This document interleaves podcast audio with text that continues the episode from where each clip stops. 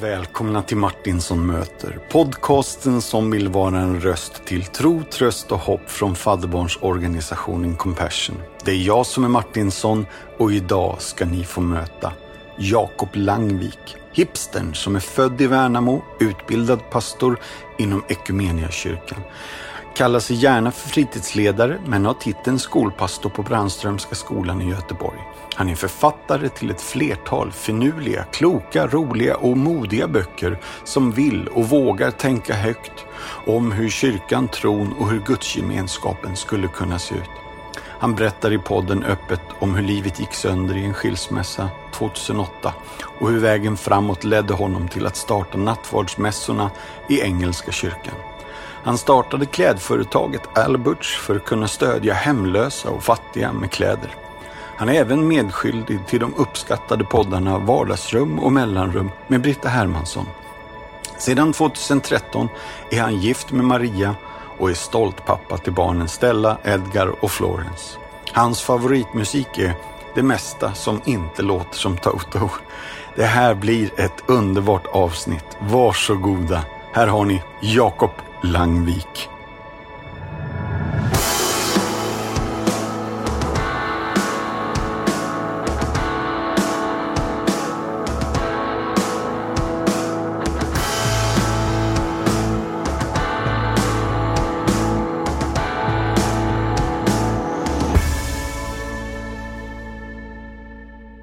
Hörni, nu är vi på gång igen. Och jag, jag känner mig så här pepp. Jag vet att Jakob älskar när man är lite övertaggad. Välkommen till Martinsson möter Jakob Langvik. Tack så hemskt mycket. Det är coolt att du är här tycker jag. Eh, ännu coolare att du tycker att det är coolt att jag är här. Är du beredd på fem, eh, och jag säger snabba, jag vet inte riktigt varför jag säger snabba, för några av dem tar tid att svara på, men det är fem frågor. Absolut. Ja. Shoot. Hur ser din drömdag ut? Oj, min drömdag. Ja. Eh, just nu så har jag ju två barn under fyra och en dotter som är snart 14. Mm. Så drömdagen tror jag skulle börja med sovmorgon. För det Ja. har jag inte haft sedan eh, ja, 2019 då. Mm. Ehm, och eh, sen skulle den fortsätta med kanske att jag skulle röra på mig lite, Ja. tror jag. Eh, det här skulle jag göra med min fru då. Alltså, Ja. Först ta en sovmorgon och sen skulle vi kanske eh, röra på oss. Eh, och sen skulle nog laga något gott, kanske sova lite till tror jag. Yeah. Det, du hör, det Ja. är det som ligger Ja. närmast hjärtat Ja. just nu. Ehm, platsen skulle nog inte betyda så mycket. Jag kan nog tänka mig att vara i radhuset i Lerum. Ja. Ehm, men bara tanken på att få en dag där jag får höra mina egna tankar. Mm. Eh, det är nog min drömdag just nu. Ja, ja, visst. Eh, och, och- vilken årstid pratar vi om nu då? Eh, det får gärna vara sommar. Ja. Ehm, kanske sensommar. Mm. Eh, och jag älskar ju att laga mat och ha en bra Spotify-lista på. Så att det Yes. skulle jag inte ha någonting emot att stå i köket och laga god mat. Mm. För att sen få äta den tillsammans med min fru och Mm. kunna prata till punkt. Det är också en grej som man eh, har saknat väldigt mycket. Jag fattar. Eh, Och du, du, med det här har du redan nästan ställt fråga nummer två då. Jaha. Om du bara fick äta en måltid resten av livet, vad skulle det då vara? Åh, du, det här är en av mina absolut bästa frågor. För att ja, men jag har funderat på det så mycket. För att första tanken är ju bara, ja men det får bli pizza. Men jag tror att man skulle bli väldigt trött på det. Ja, Eh, lite däst. Ja, precis. Ja. Och då tänker man, ah, okej, då ska jag ta någonting som inte smakar så mycket. Eh, så då kanske det blir ris och vit fisk. Eh, Mm. För att man bara skulle få äta det och ja, då blir det med. Men sen så har jag tänkt att det får nog bli tacos ändå, för då skulle man ändå kunna ja, men ta mer gurka en dag, mer tomater, alltså, Ja. och li, lite ändra så. Ja. Om jag nu var tvungen att ta Ja. och äta en måltid hela. För du frågar inte efter min favoriträtt eller? Nej. Nej. Men du, tacos, Mm. eh, är det i tacos i wrap så här eller med sådana där hårda skal? Jag tänker nog att det skulle vara hårda skal. Ja, ja, Men också att det skulle finnas lite isbergssallad som inte var hackad. ja, Så du kan lägga köttfärsen där i. just Förstår det. du? Ja, visst, ja visst. Eh, någon dag. Ja, ja, ja. Kanske frukost. Förstår Spännande. du? Ja. jag är helt med. Mm. Har det någonsin hänt dig något som du inte kunde och som du fortfarande kanske inte kan förklara? Det som vi i kyrkan ibland har betecknat som ett, ett under eller ett tecken eller ett mirakel. Mm. Jag såg någon sliskig amerikansk eh, 3 plus-film på Netflix för ett tag sedan. Mm. kommer faktiskt inte ihåg vad den hette. Men då var i ingressen där så var det, det finns, jag vet inte vem det var som har sagt det, men ingressen var, det finns två sorters människor. Eh, de som inte tror på mirakel och de som ser mirakel överallt. Mm. Och jag inser att jag är den sista där, att Mm. jag ser mirakel överallt. Eh, I mitt jobb, eh, där jag jobbar, ehm, så träffar jag ju barn och ungdomar som kommer ifrån eh, hem som är väldigt trasiga och eh, då kan jag ofta tänka att de får ihop sin skit och ändå lyckas klara prov och, och, och Mm. eh, ja, men, mattekurser och allting. Att de lyckas med det.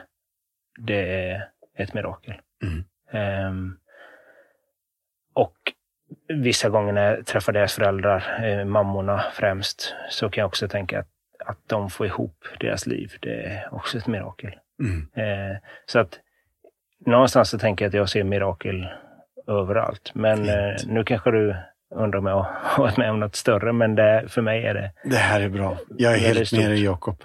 Jättefint. Vilken är din mest använda emoji? Ja. Det är nog...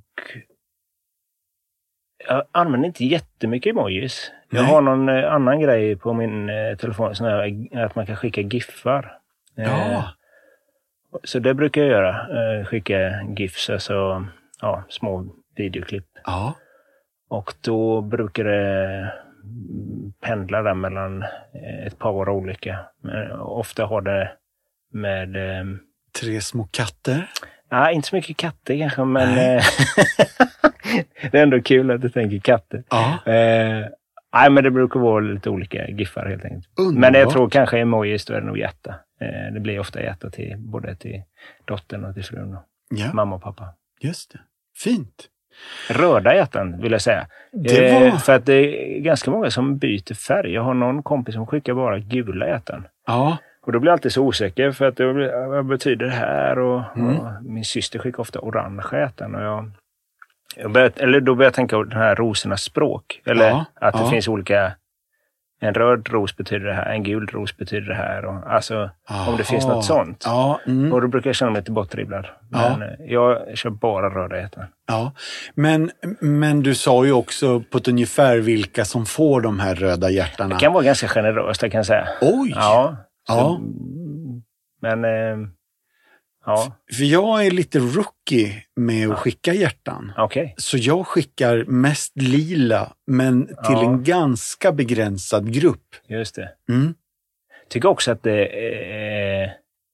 Jag har ju inte så jättemycket emot när det blir lite eh, lurig stämning så. Jag tycker att det är lite kul. Ja. Så att om man har skickat ett hjärta och så tänker man direkt när man skickat det, alla kanske var över gränsen. ja. Men då tänker jag alltid, nu fick de någonting att tänka på. Ja, och så, visst. eh, just, jag njuter mer av att tänka hur det togs emot och hur den diskussionen kanske pågår hemma där. Eller, ja, du vet. Eh, ja, Spännande. ja. Sista utav de här första fem nu då. Om du kunde dela en lång trerätters måltid med fyra individer som är nu levande eller sedan länge döda, vilka skulle du då välja? Oj. Ja, den är jättepretentiös. Ja, det är den verkligen. Ja, Ja, men... Okej. Ja, då tänker jag att jag hade nog velat träffa Petrus ändå. ja, Hade jag sagt Jesus hade det varit för uppenbart på något vis. ja, Eh, Men jag hade gärna velat träffa Petrus. Eh, Jag hade velat prata om när han hade förnekat Jesus tre gånger och känslan av upprättelse. Och, mm. Eh, ja, det hade eh, varit någonting. Sen så hade jag, om det var en trerätters, jag vet att min far, han gillar ju mat. Och jag eh, tycker det är roligt att umgås med honom. Och han i sin tur eh, älskade Lill-Babs. Så frågan är om inte jag hade tyckt det var kul att få ge bort det som någon slags present till honom. Att han fick ja, men en trerätters med Lill-Babs. Ja.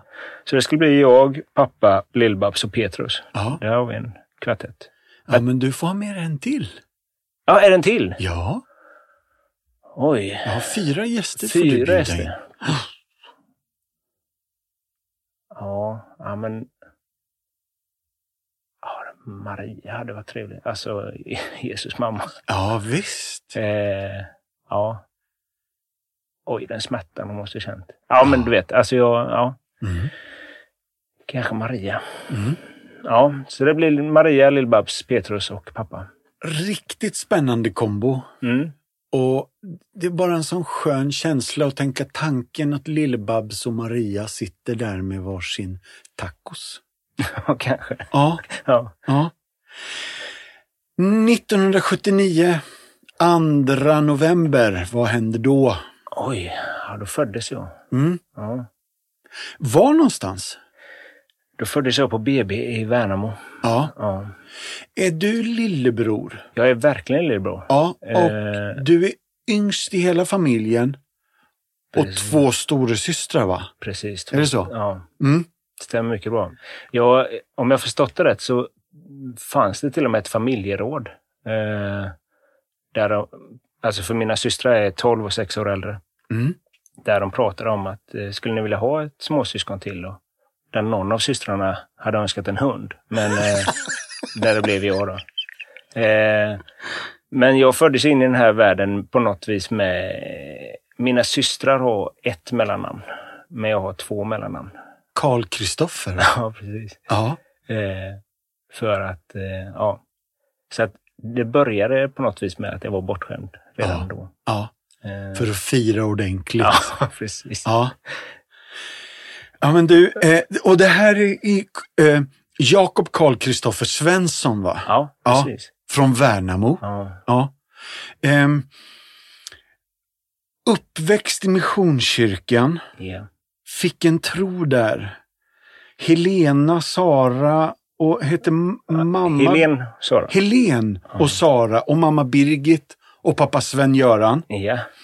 Eh, hade du något bollsinne?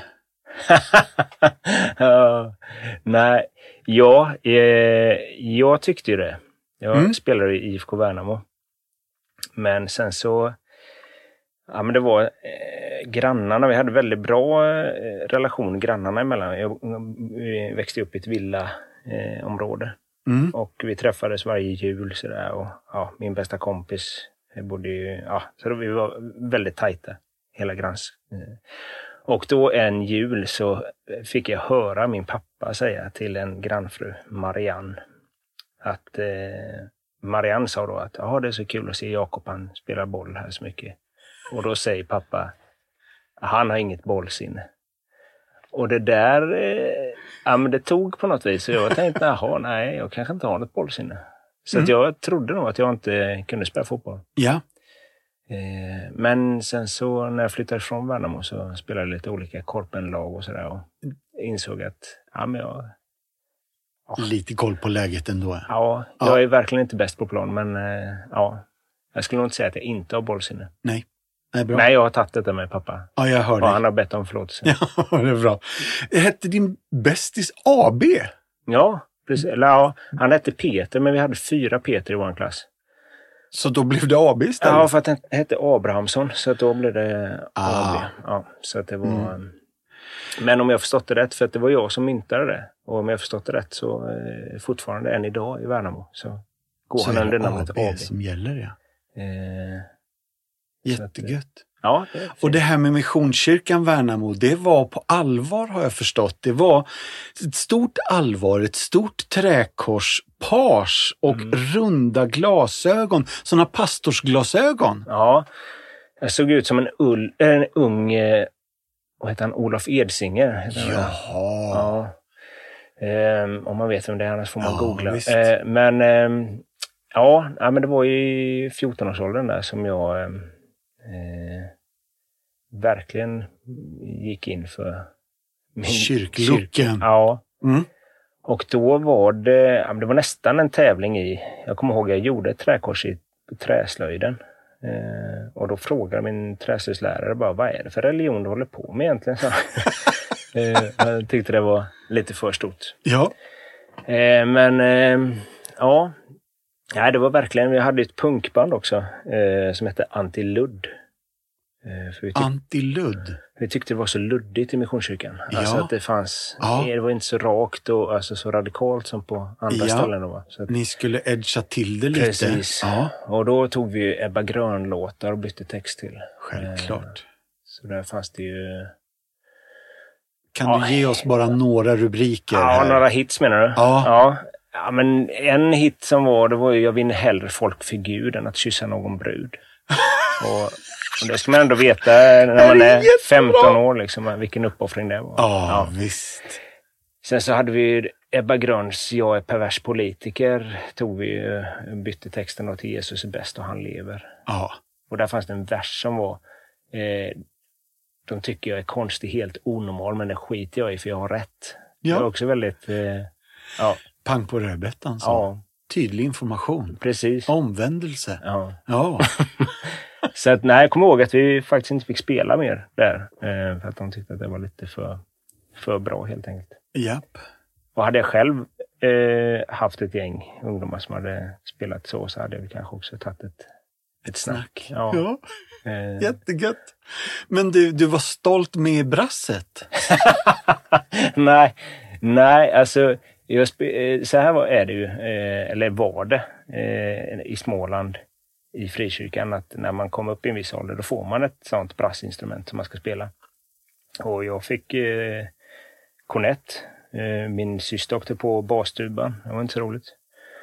Så, eh, eh, men då fick man spela olika brass och då kommer jag ihåg någon gång att min mamma hade frågat han dirigenten Ja, eh, hur går det för Jakob? Är han duktig eller? Ja. Och då har jag sagt nej, han, han är inte så duktig men han är social så att vi behöver honom. ja. ja.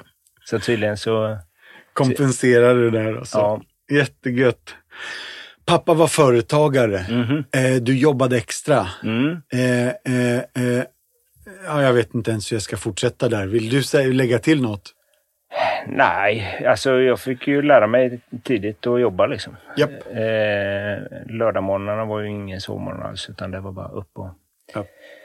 jobba. Och vi jobbade på ackord så att... Eh, eh, men det var jättebra. Eh, jag fick några av mina kompisar också till att börja jobba på samma ställe och, och eh, ja, jag är väldigt tacksam för den uppfostran. Mm. Eh, Pakistan hette det, eller det hette Duopack men vi kallar det för Pakistan för vi paketerar grejer. Mm.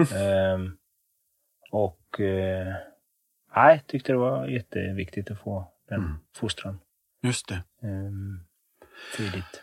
Och så här långt i resan så, så var, var tron en naturlig del?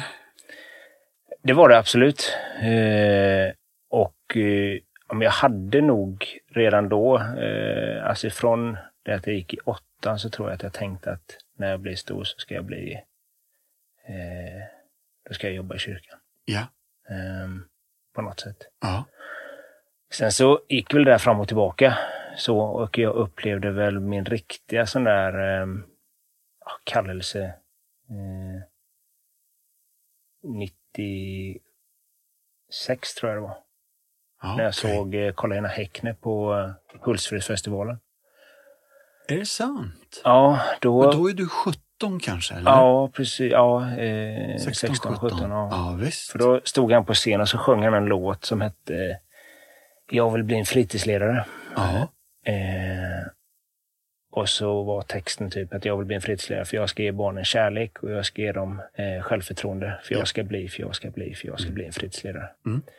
Och då kommer jag ihåg att det var eh, jättestarkt för mig. Och jag kände att är det någonting som jag vill göra så är det att ge barn kärlek och självförtroende. Eh, sen kunde jag inte skaka av mig det. Nej. Så, det är ja. så gött. Alltså, jag vet ju att det är det du jobbar med nu Mm. på ett sätt. Eh, men också, för direkt efter det här så kom du väl till Manuelkyrkan i Jönköping Mm. och startade just Precis. fritidsgård typ va? Ja. Eh, vi fick en frågan där eh, när jag jobbade i Morgonkyrkan från kommunen. Ja. Eh, om vi skulle kunna ta hand om några sjätteklassare som när de har slutat skolan Mm. och öppna upp en fritidsgård. Ja. Och då gjorde vi det på tisdagar och torsdagar. Fick vi ha öppet mellan om det var två och fyra eller två och fem eller sånt. Mm. Och då kom det ju massa barn då ifrån Jönköpings eh, innerstan. Ja. Eh, så då fick jag verkligen ge dem eh, kärlek och självförtroende och, och eh, det var eh, jättenyttigt och eh, roligt. Och sen Mm. så ville de här barnen och eh, ja, gå, eller de ville att det skulle vara öppet mer. Så att då bestämde vi att vi skulle ha öppet fredagkväll också. Ja. Men då sa kyrkan, att, eller vi sa att då vill vi också ha en andakt. Eh, för att visa också att vi är i de här lokalerna. Så då kommer jag ihåg första kvällen sådär som eh, jag berättade om alltihopa. Nu har vi öppet här mellan sex och åtta och kvart i åtta. Då kommer vi gå ner till kyrksalen och där ska jag ha en kort andakt. Och då kommer jag ihåg att det var en tjej som bara ställde sig upp och bara Va? Ska vi skjuta fåglar i kyrkan? Alltså, Andjakt, ja, ja. precis. Och då tänkte jag att nu har vi helt rätt folk här i kyrkan. Ja. Så då kommer jag ihåg att varje fredag så fick vi gå ner till den här kyrkan och så berättade jag att här ser ni Jesus. Eh, om någonting skiter sig så vet ni att ni är aldrig ensamma. Och sen så berättade jag att varje söndag så kommer det folk hit till kyrkan och de ber för er.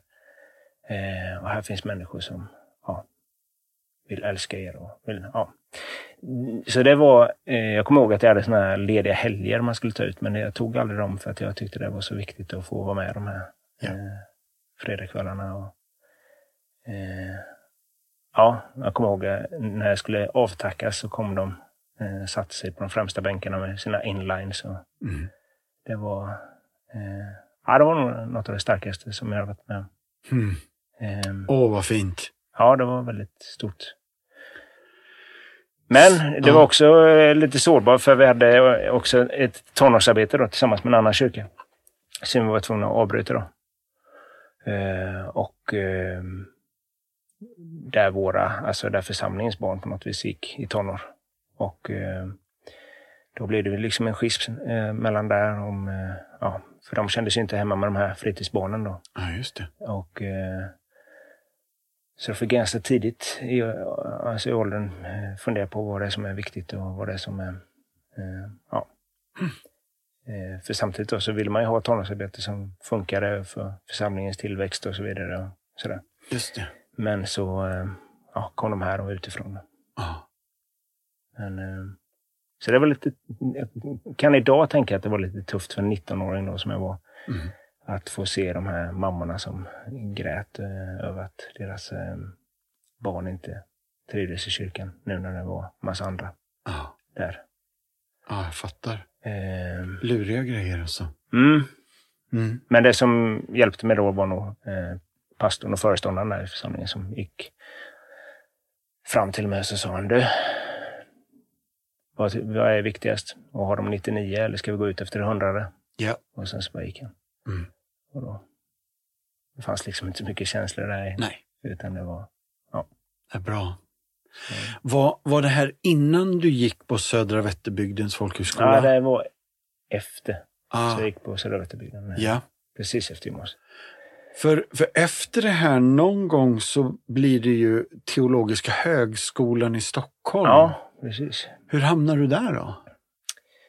Eh, nej, men eh, det var väl lite som en eh, utstakad väg att jag först skulle gå eh, från Södra Vätterbygdens folkhögskola, bibellinjen där, till att bli ungdomsledare.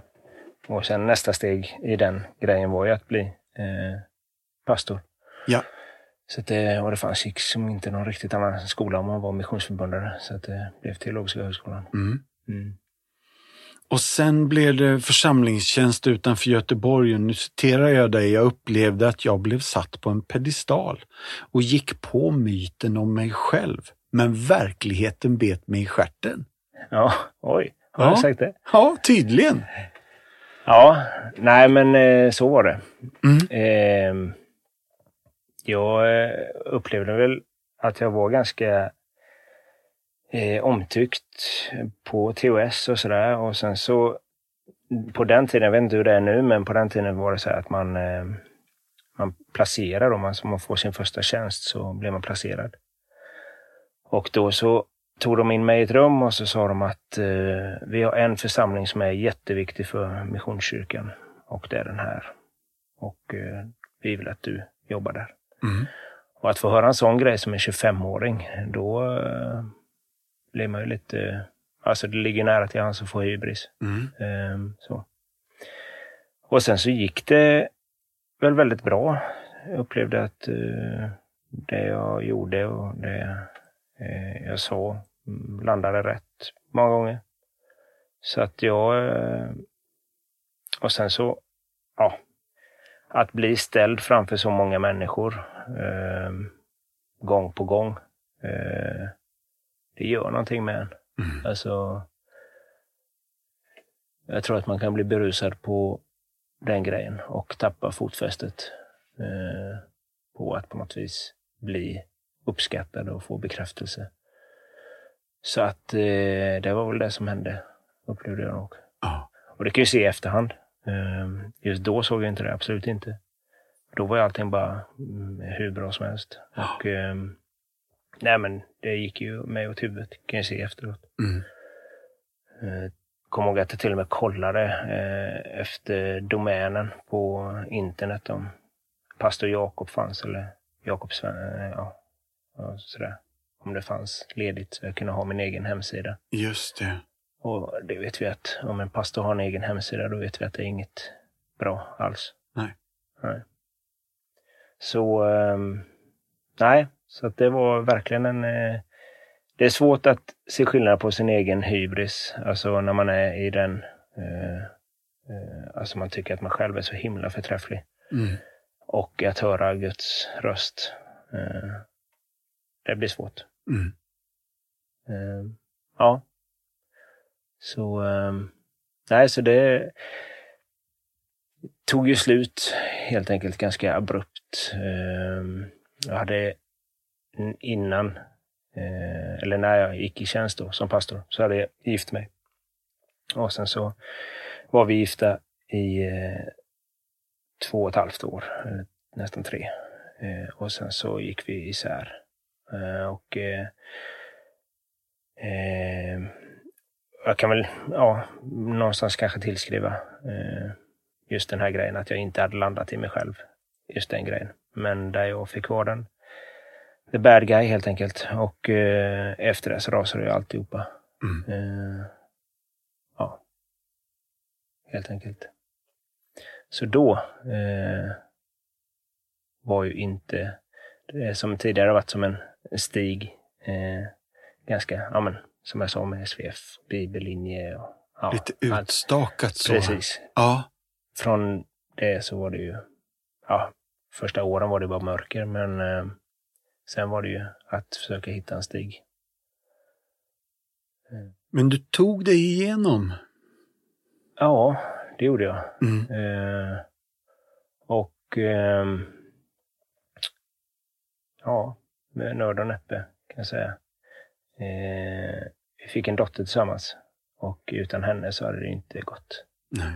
Eh, hon var ju den som fick mig att gå upp på morgnarna och fick mig att ja, eh, på något vis försöka få ihop mitt liv. Eh, så det är hennes förtjänst Mm. helt och hållet. Mm. Eh, hennes förtjänst och alla timmar i terapistolen. Mm. Eh, men eh, ja, så, eh, så blev det. Mm. I det här så kände du dig vilsen i kyrkan som jag tror att du har beskrivit det tidigare någon gång eh, och hade frågetecken på hur kyrkan gestaltades. Mm. Men någonstans längs vägen så kunde du ändå inte släppa greppet, eller det här släppte inte greppet om dig. Nej. Och mässorna i Engelska kyrkan började i liksom som en konsekvens av det liksom som höll kvar i dig. Mm. Där du höll kvar i några av essenserna i de här grejerna som var liksom viktigast. Mm. Bär, eh, ledstänger för din tro. Precis.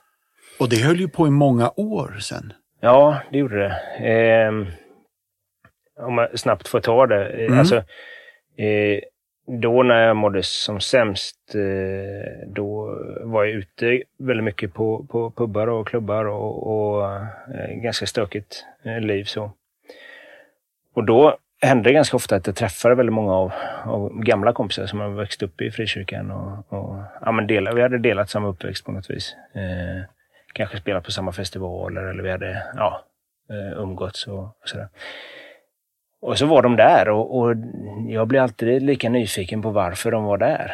Eh, jag visste ju varför jag var eh, där jag var. Men ehm, eh, jag ville veta vad det var som gjorde att de inte längre var aktiva i kyrkan. Mm. Så då blev det ett, ja, men ett väldigt mycket prat om det och sådär. Och sen så kunde jag som sagt inte släppa eh, kyrkan. Eh, och kanske var det någonstans det där, det ringde fortfarande i mig. Jag hade ändå eh, avgett det där löftet i eh,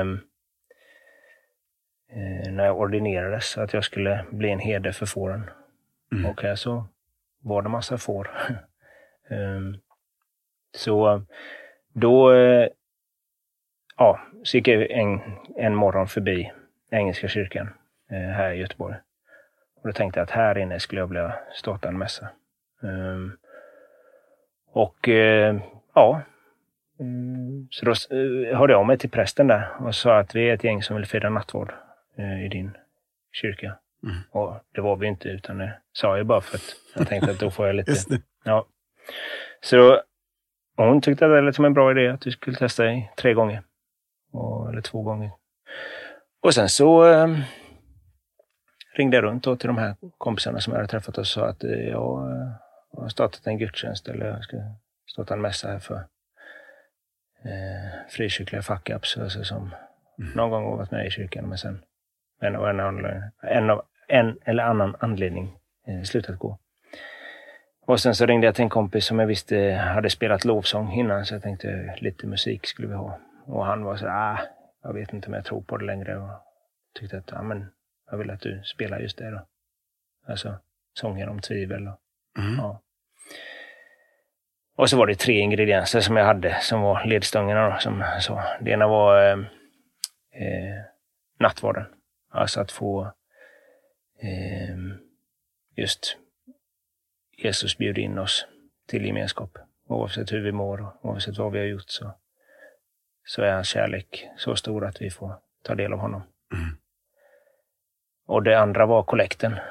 För det upplevde jag också när jag väl gick till kyrkan när jag mådde som sämst så tyckte jag att det var ändå en tröst i att på något vis få ge.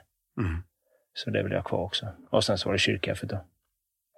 Eh, och de bästa kyrkkaffena som jag har haft där, det var väl just på, på krogen, alltså på puben, när jag kunde sitta med främlingar liksom och dela livet. Eh, och tänkte att det här är den bästa formen av kyrkkaffe. När man kan nå varandra i ett eh, samtal. Eh, som inte handlar om vad man har köpt för båt eller vad man, man har klippt gräset eller något annat. Utan Mm. så.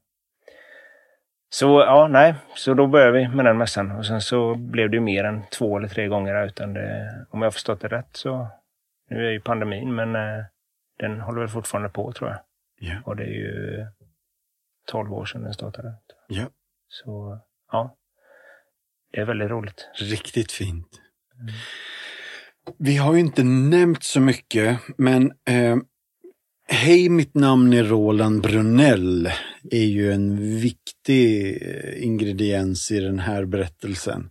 2010 kom den ut. Mm. Det var väl din första bok under pseudonym då. Ja, precis. Eh, bara ta oss med lite varför den kom till och kanske bara nämn om ditt samtal med Magnus Bylander.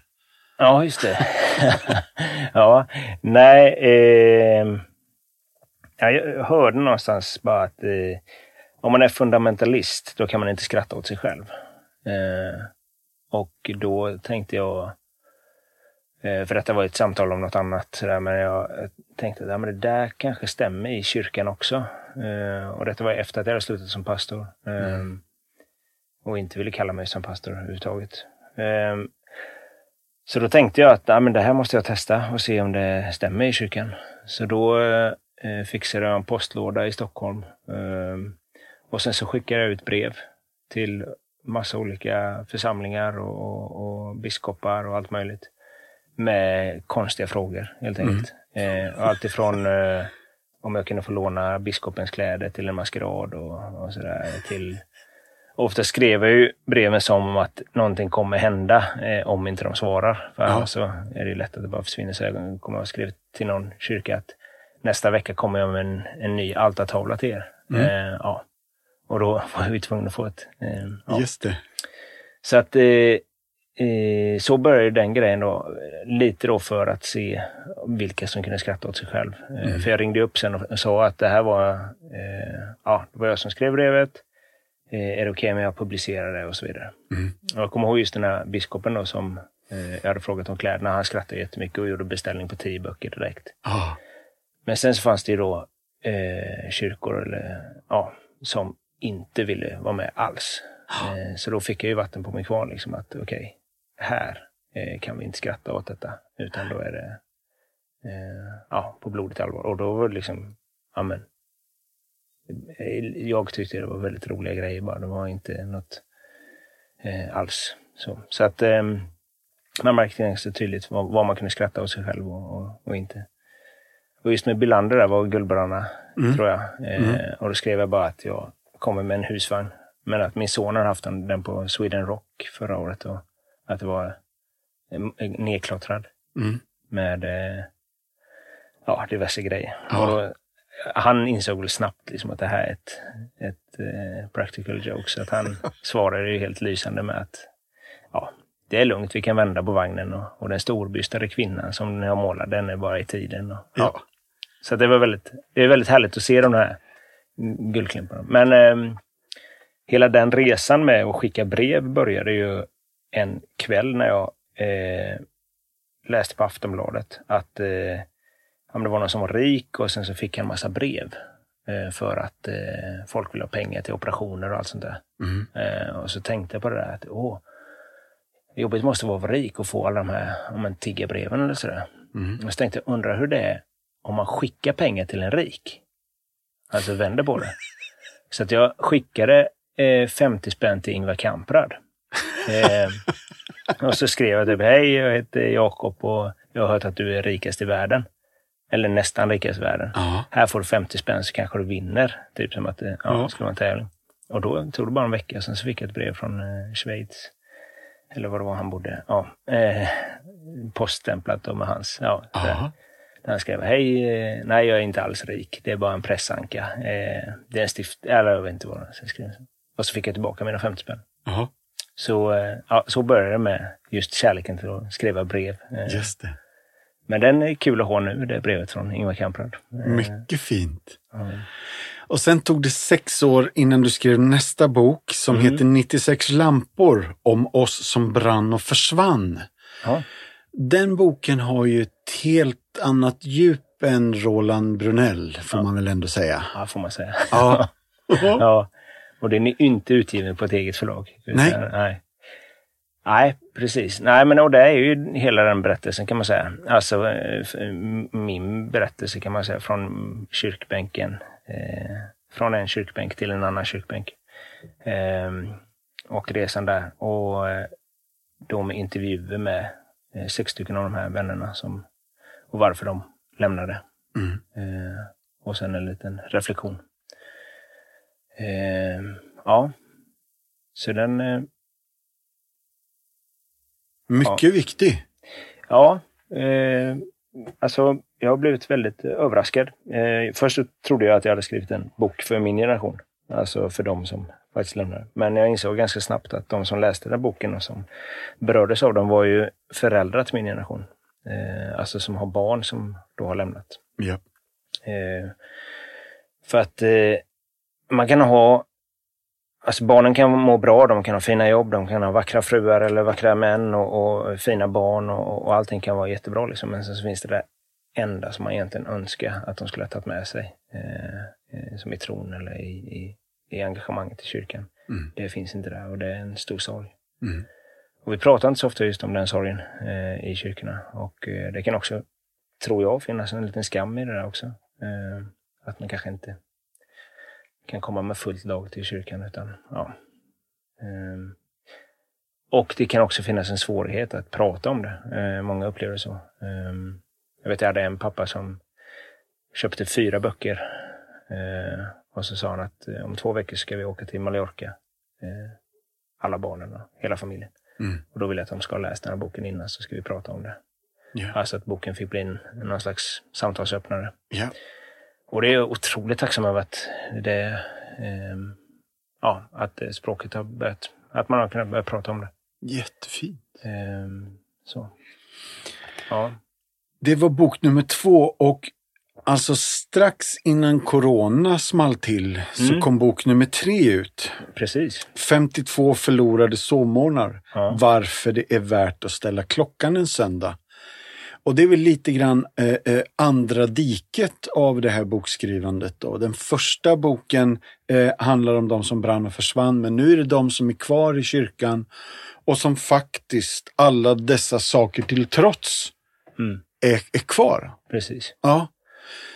Ta oss med lite i tankarna kring den här boken. Ja, men då var det ju, det var på releasen för min första, eller den 96 lampor. Eh, då var det en kompis som kom fram till mig eh, och sa att ah, men det här är jätteintressant att du har skrivit en bok om de som lämnar kyrkan. Mm.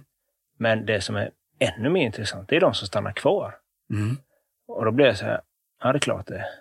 Eh, ja, så att luften gick lite ur det. Mm. Eh, för min första bok då.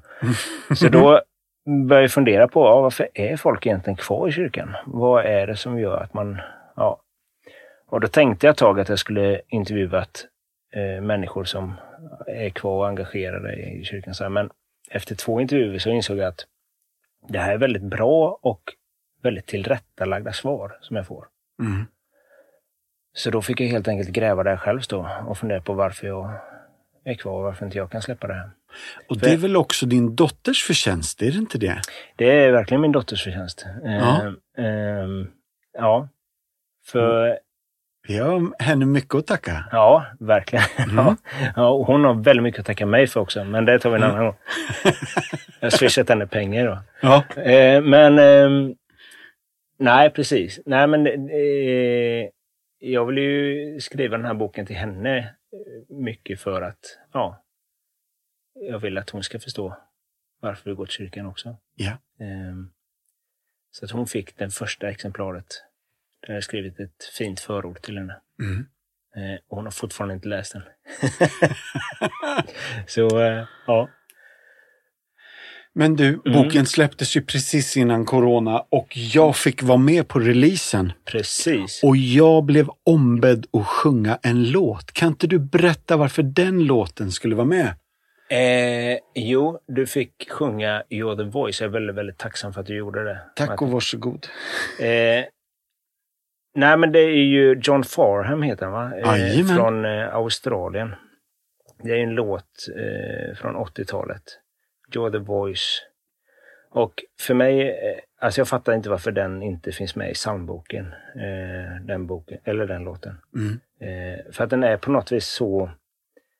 Ja, men det är någonting som jag skulle vilja viska in i varje... Alltså hade jag varit församlingspastor då hade jag velat viska det i allas öron. Liksom, att de skulle förstå att okej, ni är, nu är ni rösten. Nu är ni, alltså ni är Jesus händer, ni är Jesus fötter eh, på den här jorden, i det här samhället just nu. Alltså, eh, få dem att förstå att okej, nu är det, det hänger på er alltså, på något vis. Mm. Förstår du vad jag menar? Mm. Ja. Men eh, nej, istället går vi med eh, Våga vara vindens vänner eller eh, något Mm. sånt. Ja. Men ja, nej, så jag tycker att den där är väldigt stark, den låten. Mm. Så att det är väl någonting som jag önskar att vi skulle förstå som kyrka mer. Att, att vi är Jesu händer och Jesu fötter på den här jorden. Alltså Mm. att vi... Gud kan inte ge en high five till den som eh, mår dåligt, men det kan du göra. Ja. Eh, ja. Grymt. Du började trycka t-shirtar Mm. som eh, en eh, motreaktion, tror jag. Nu lägger jag orden i din mun, men man köpte en t-shirt och då fick man med sig den hem och samtidigt så gav man pengar till en hemlös så att han också fick en t-shirt. Mm. Ungefär så va? Precis. Ja. Det här höll på i flera år. Mm. Ja, det låter ju väldigt eh, bra när du säger så.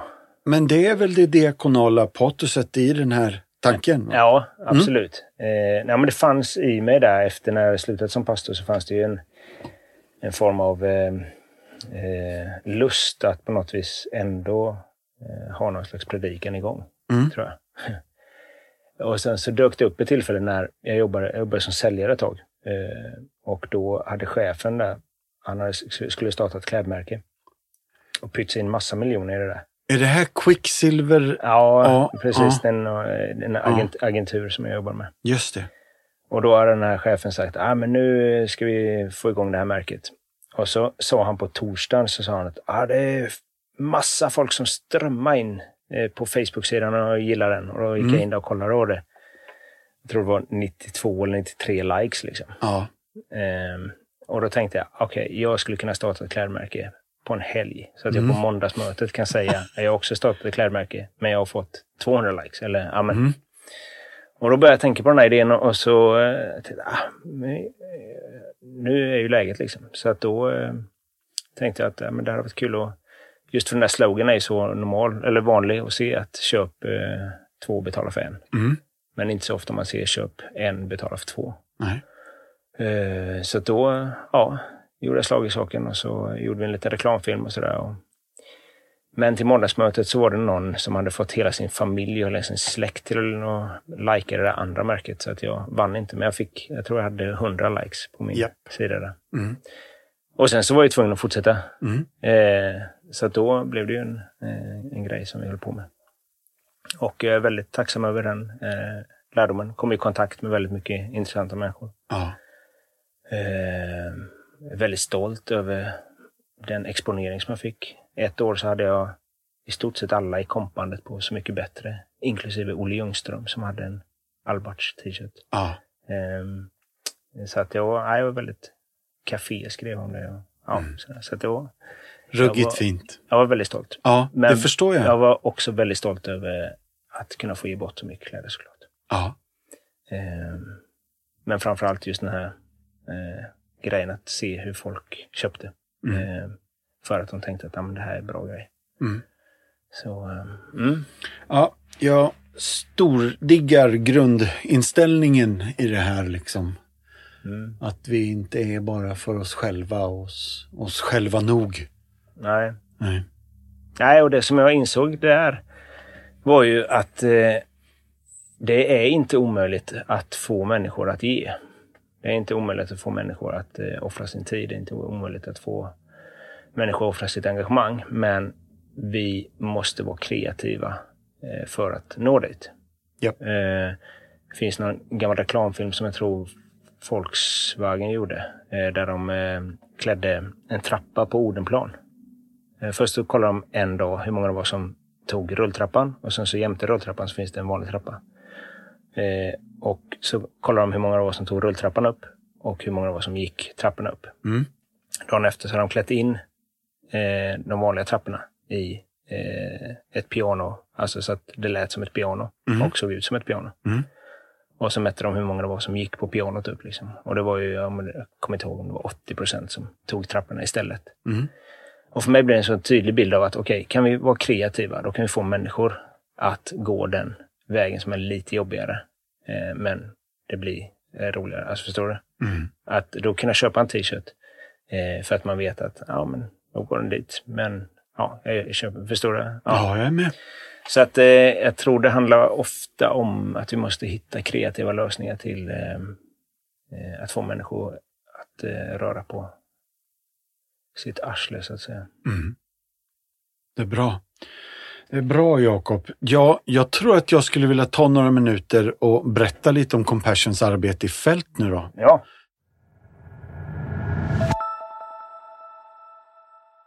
Jag ska ge röst åt en man som heter Wilbur och det börjar så här.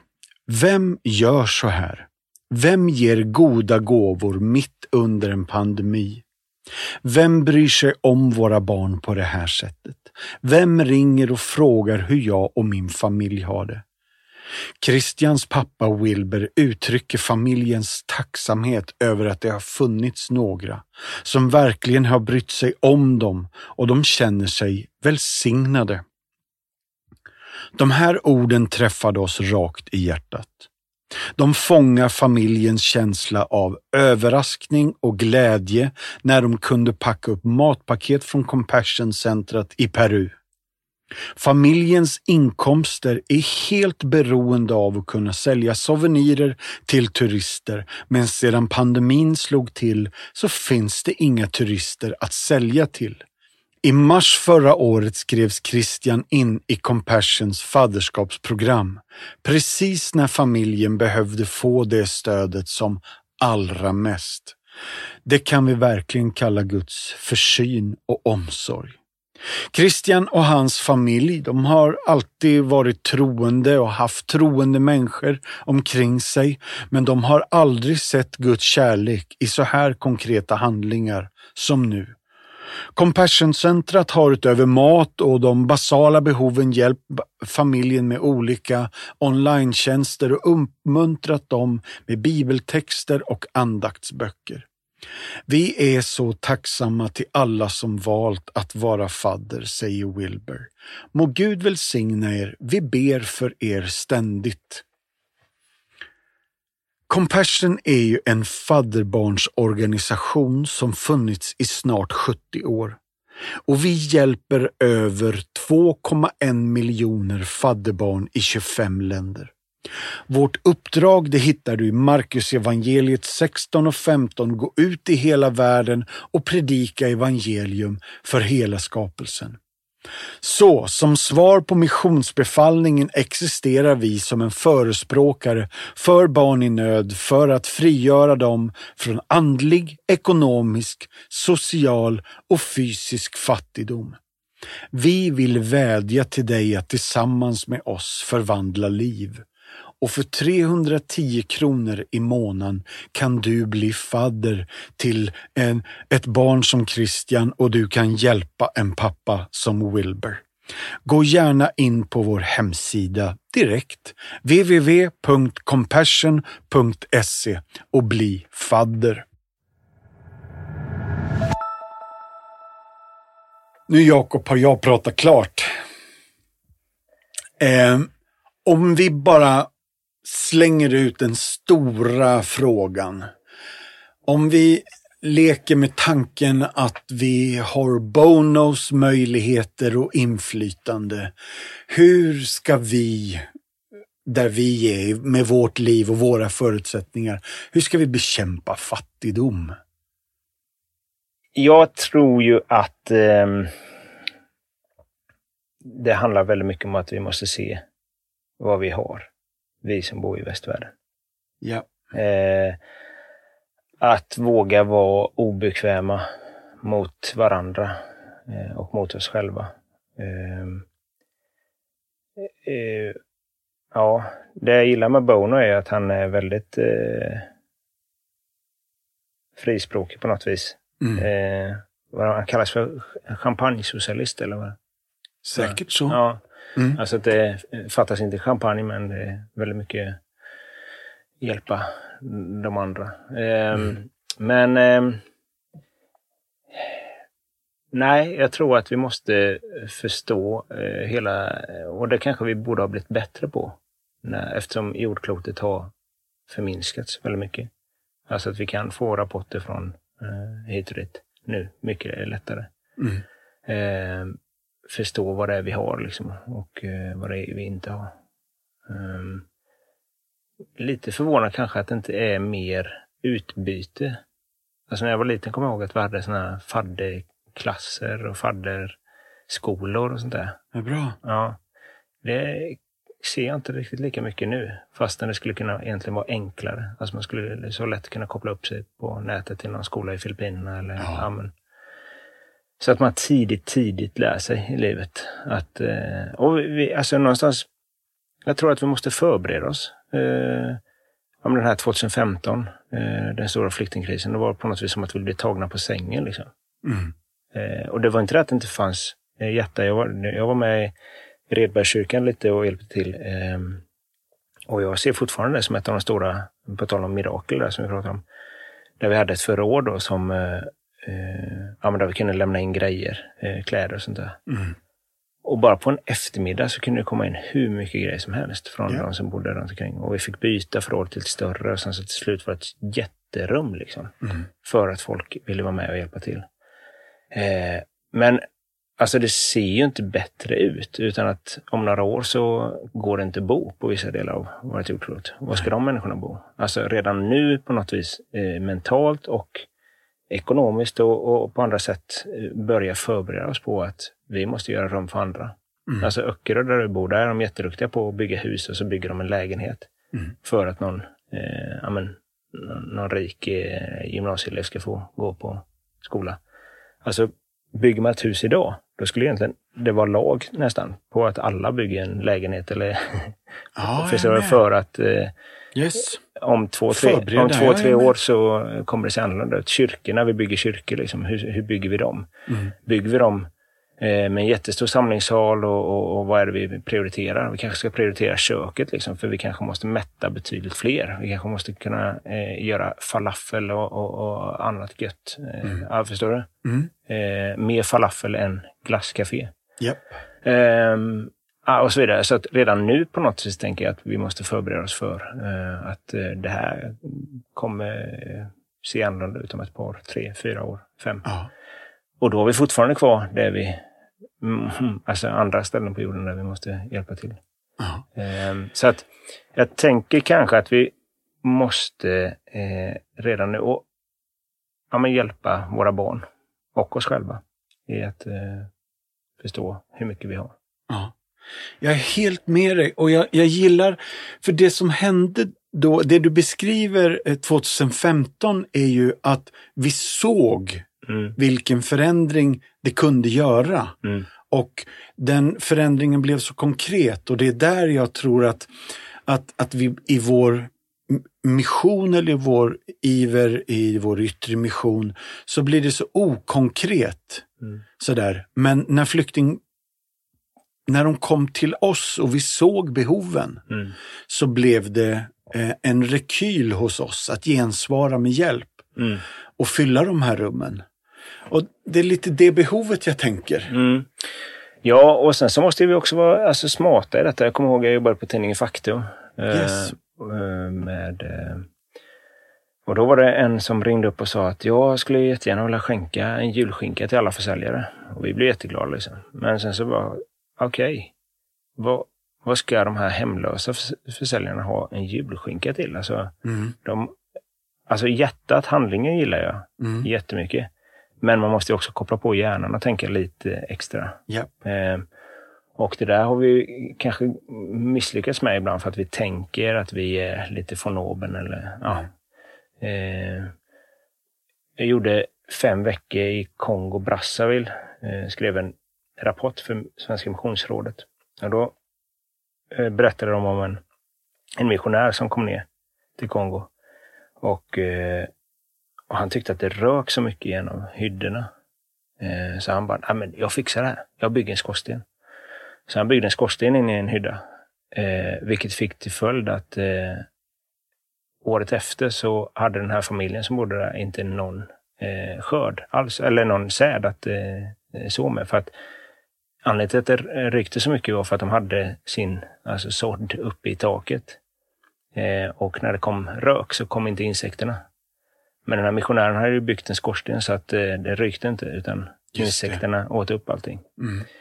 Eh, och det där tycker jag är en bild av just hur vi i västvärlden ibland kan komma med sådana som vi tänker är bra lösningar. Liksom. Mm. Eh, och där måste vi hitta ett samspel. Liksom, att okej, här har vi en kultur som vi möter som tänker på ett annat sätt. Eller som, ja. det jag vill säga är, hjärta är jättebra, men vi måste också vara ödmjuka inför eh, att det är en människa vi står framför. Ja. Eh, som inte är helt blåst i huvudet, utan kommer från något annat. Mm. Eh, Ja, jättebra.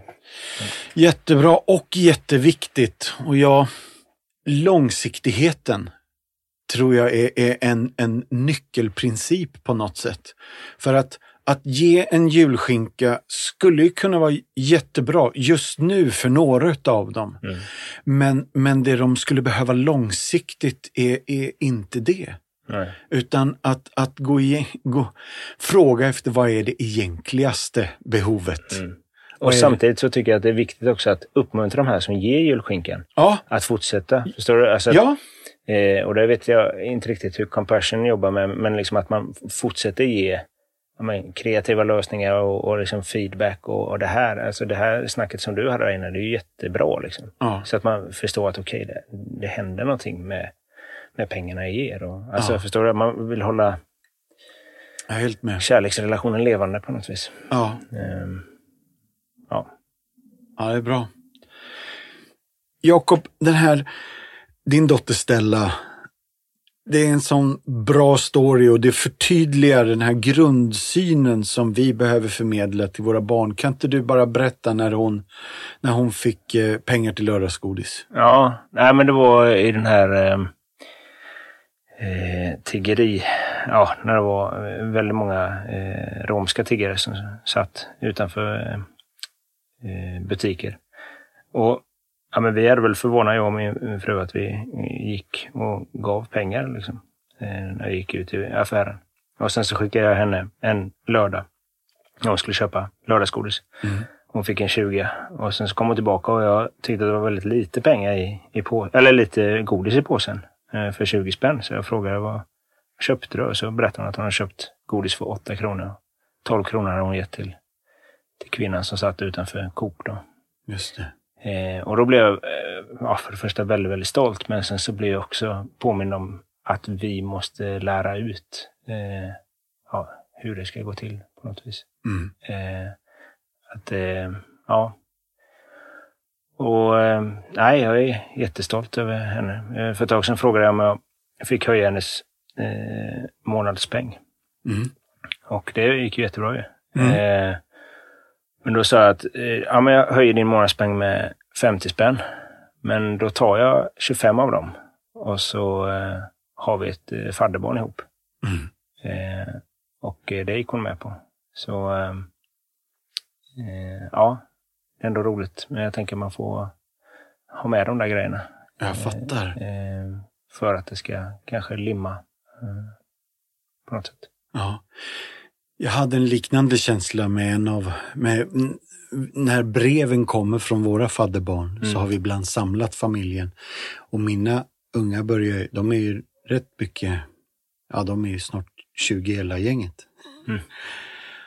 Men ändå när det här brevet kom så skulle, ja nu ska vi Ja. samla alla och så ska vi sitta och vara tysta och det ska högläsas. Ja. Och, det finns en enorm kraft i det där med exemplets makt Ja, som verkligen. vi behöver återvinna. Och eh, ja, det är vackert när vi ser att de Och fångar det där. Precis, och jag tror att det är viktigt i eh, en tidig ålder. Jag kommer ihåg när jag jobbade som ungdomsledare Mm. eh, i Jönköping. Då hade vi en konfirmationsgrupp. Och så eh, ja, kom det där på tal liksom, vad vi ska göra för att få- få dem att förstå missionen och så vidare. Och då kom jag ihåg att jag gick till RIA Center och så frågade jag, har ni någon här som har någon eh, son eller dotter i 15-årsåldern? Mm. Och, eh, och det hade de då. Så då så sa jag till konfirmanden att nu är det så här att eh, jag har hookat upp med en pappa här som har en, eh, eh, ja, han bor på gatan, men han har en son som går på er skola. Eh, Mm. och eh, nu kommer snart vintern och vi skulle behöva, eh, ja, han skulle behöva en vinterjacka. Ja. Och det tog inte många lektioner innan de konfirmanderna hade samlat ihop Nej. pengar till det. Och eh, sen så kom julen och sådär och jag tänkte inte mycket mer, på det. Och sen så vårterminen så var det en konfirmand som frågade, men ska vi inte fortsätta samla till honom? Mm.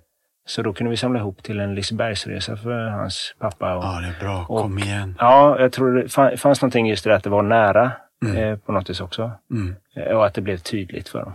Och sen så gjorde vi ett studiebesök på RIA. Mm. Eh, och eh, det kan ha varit fem år sedan nu så var jag i Jönköping. Jag träffade en av de här eh, gamla konfirmanderna. Och så frågade jag vad, ja, var så, så sa han också, jag kommer ihåg lukten inne på RIA? Alltså han kommer ihåg lukten, hur det luktade där inne i den här lokalen. Ja. Eh, efter så många år. Eh, och då, ja, men återigen blev jag påmind om eh, att det handlar om nästan att utsätta människor för att ge eller utsätta dem för att eh, vara snälla, utsätta dem för att vara givmilda. Ja. Eh, Ja, riktigt bra. Ja, vad gött. Tack för att du delar. Du Jakob, mm. jag tror att vi landar här någonstans. Tack snälla för att du tog dig tid att komma till Martinsson möter. Tack så jättemycket för att jag fick komma.